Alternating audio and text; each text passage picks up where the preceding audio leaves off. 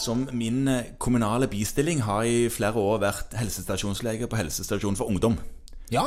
Der har jeg blitt ganske godt vant med en del sånne klassikere når det gjelder eh, hva skal jeg si, intimhygiene. Sopp og bakteriell vaginose og sånne ting. Så det er jo sånne ting som jeg har god kjennskap til, vil Ja. jeg si, vil jeg si selv. Ja.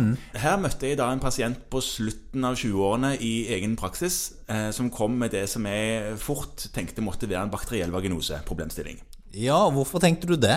Ja, Det var tyntflytende utflod i forhold til hvordan han pleide å være. Den var litt sånn gulgrønnlig på fargen. Det var mer av det, og det lukta fisk.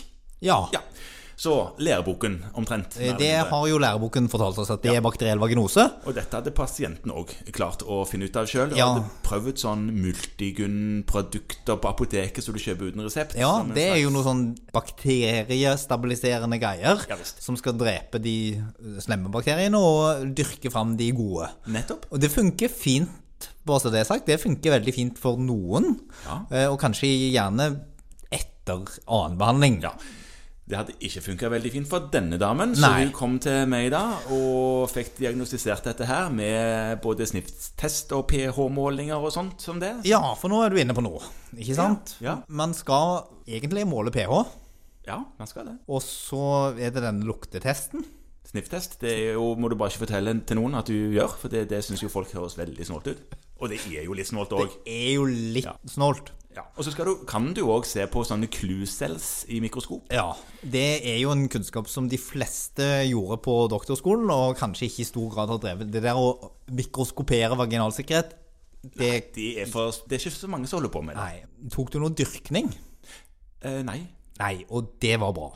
Jaha, For det fordi- skal man ikke gjøre. Nei. Så Nei. det Fordi at det å bare ta dyrkningsprøver og finne gardinella, som er en av de store synderne her, den fins asymptomatisk hos så mange at vi hadde på en måte brukt opp all antibiotikaen i verden Ja. hvis vi skulle prøvd å eradikere det. Nå kom jeg på en annen ting som er unødvendig å gjøre. Husker du når man sendte blodprøveskjema og krysset av for blødningstid? Ja, det er jo også helt ute til det, ja. Så dyrkningsprøve må du ikke gjøre hvis du mistenker eller tenker på bakteriell vaginose. Det har ingen betydning. Nei. jeg Men behandlet da- pH? Ja, Snifftest, ja, eventuelt clue cells, Ja. det kan man godt gjøre. ja. Men det endte noe med at jeg behandla Mm. Ja. eh, med lokaltvirkende antibiotika. Metronidazol. Ja. To ganger, til og med. For det, det gikk bra en stund, og så kom jeg tilbake med samme plager, så vi prøvde igjen. Ja. Det gikk eh, bra en stund, det òg. Kom tilbake igjen igjen. Ja. Og så kom hun da nærmest med en bestilling eh, til gynekolog. Eh, Nå har du mista troen på fastlegen. mista litt grann troen på at vi klarte å komme helt i mål her. Jeg dro til gynekolog, kom tilbake igjen eh, fra gynekologen med noe annet lokaltvirkende. Så jeg husker, noe, jeg husker ikke Lurium? Nei, det var ikke det. Hva var det het? Det heter sikkert eh, dekvalinium. Dekvalinium. Det Ja. var noe jum. Ja. Ja, Dekvalinium.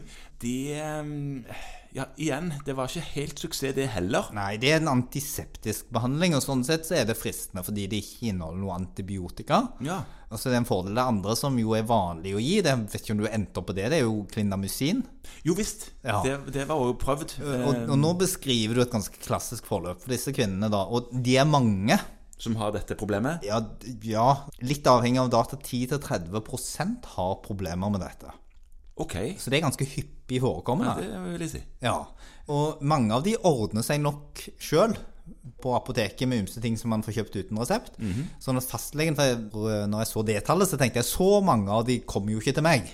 Nei, nei, nei. Nei, så mange av disse ordner seg selv, men det er et ganske vanlig problem, og residivraten er kjempehøy. Ok, Er det noe vi kan gjøre for å holde disse Eller redusere residivraten? Ja Du må i hvert fall prøve. Aha. En av de tingene som er veldig veldig viktig, er at de ikke går med altfor trangt og altfor syntetisk undertøy, og heller ikke går med truseinnlegg hele tiden.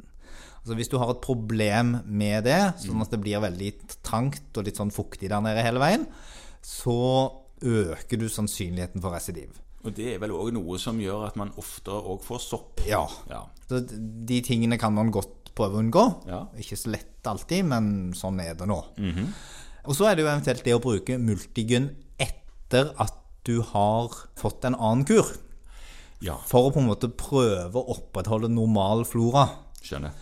Veldig mange får altså residiv. Kanskje så mye som 30 innen tre måneder, og 50 innen et år. Ok. Hvis Ja. de får et residiv, så er det egentlig bare å kjøre på en ny behandling med den behandlingen som funka sist, og så løser det seg for mange. Noen får et langvarig forløp, og der vet vi ikke helt, men hos en god del så løser dette problemet seg etter hvert. Ja, av en eller annen grunn. Ja, Mm, og da blir jo liksom jobben etter at du har gjort alt det du har gjort, altså forstått og forsøkt å behandle, og Ja. sikkert ofte henvist til en gynekolog fordi det ikke lyktes, og forsøkt å behandle igjen, så blir jobben din for noen av disse å være en sånn der en motiverende heier Ja. i at dette går nok bra, det er ikke farlig, det er veldig, veldig ubehagelig, og pass nå på å bruke antiseptiske ting i den grad det er mulig. Sørg for nok luft. Høres helt rart ut når du sitter der som middelaldrende mann og snakker om dette, men det er nå så. ja det, det er jeg gan- jeg er ganske komfortabel i den rollen. Ja.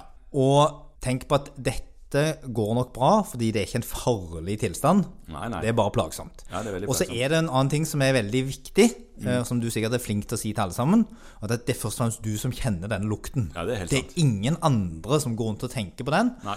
Men mange av disse kvinnene opplever jo at når de først har begynt å kjenne den lukten, så tenker de at de går rundt og lukter sånn, og at alle kjenner det, og det er veldig ubehagelig. Ja, Den eneste plassen de trives, er liksom på fiskemarkedet, for da er det liksom lov å lukte sånn. Ja, men de lukter jo ikke sånn. Nei, de gjør ikke det. Eh, og det er ganske viktig å trygge de veldig på, at det er ingen andre som på en måte går rundt og kjenner på den lukten. Ja, det er sant. For det føles som de er veldig urenslige, og det er de ikke. Og da- da ender det jo ofte med at de gjør det de ikke bør gjøre, og bruker de sterkeste såpene i verden for å Skrubbe prøve å skrubbe lukten vekk, noe som gjør at det bare blir verre. Ja.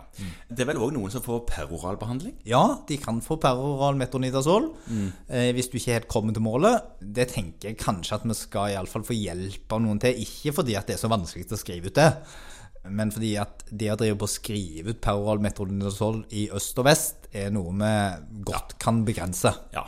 Trenger ikke å slå på den knappen hver gang. Men hvis du har en kvinne som har vært gjennom dette mange ganger før, og det er det som funker, så for all del. Ja, absolutt.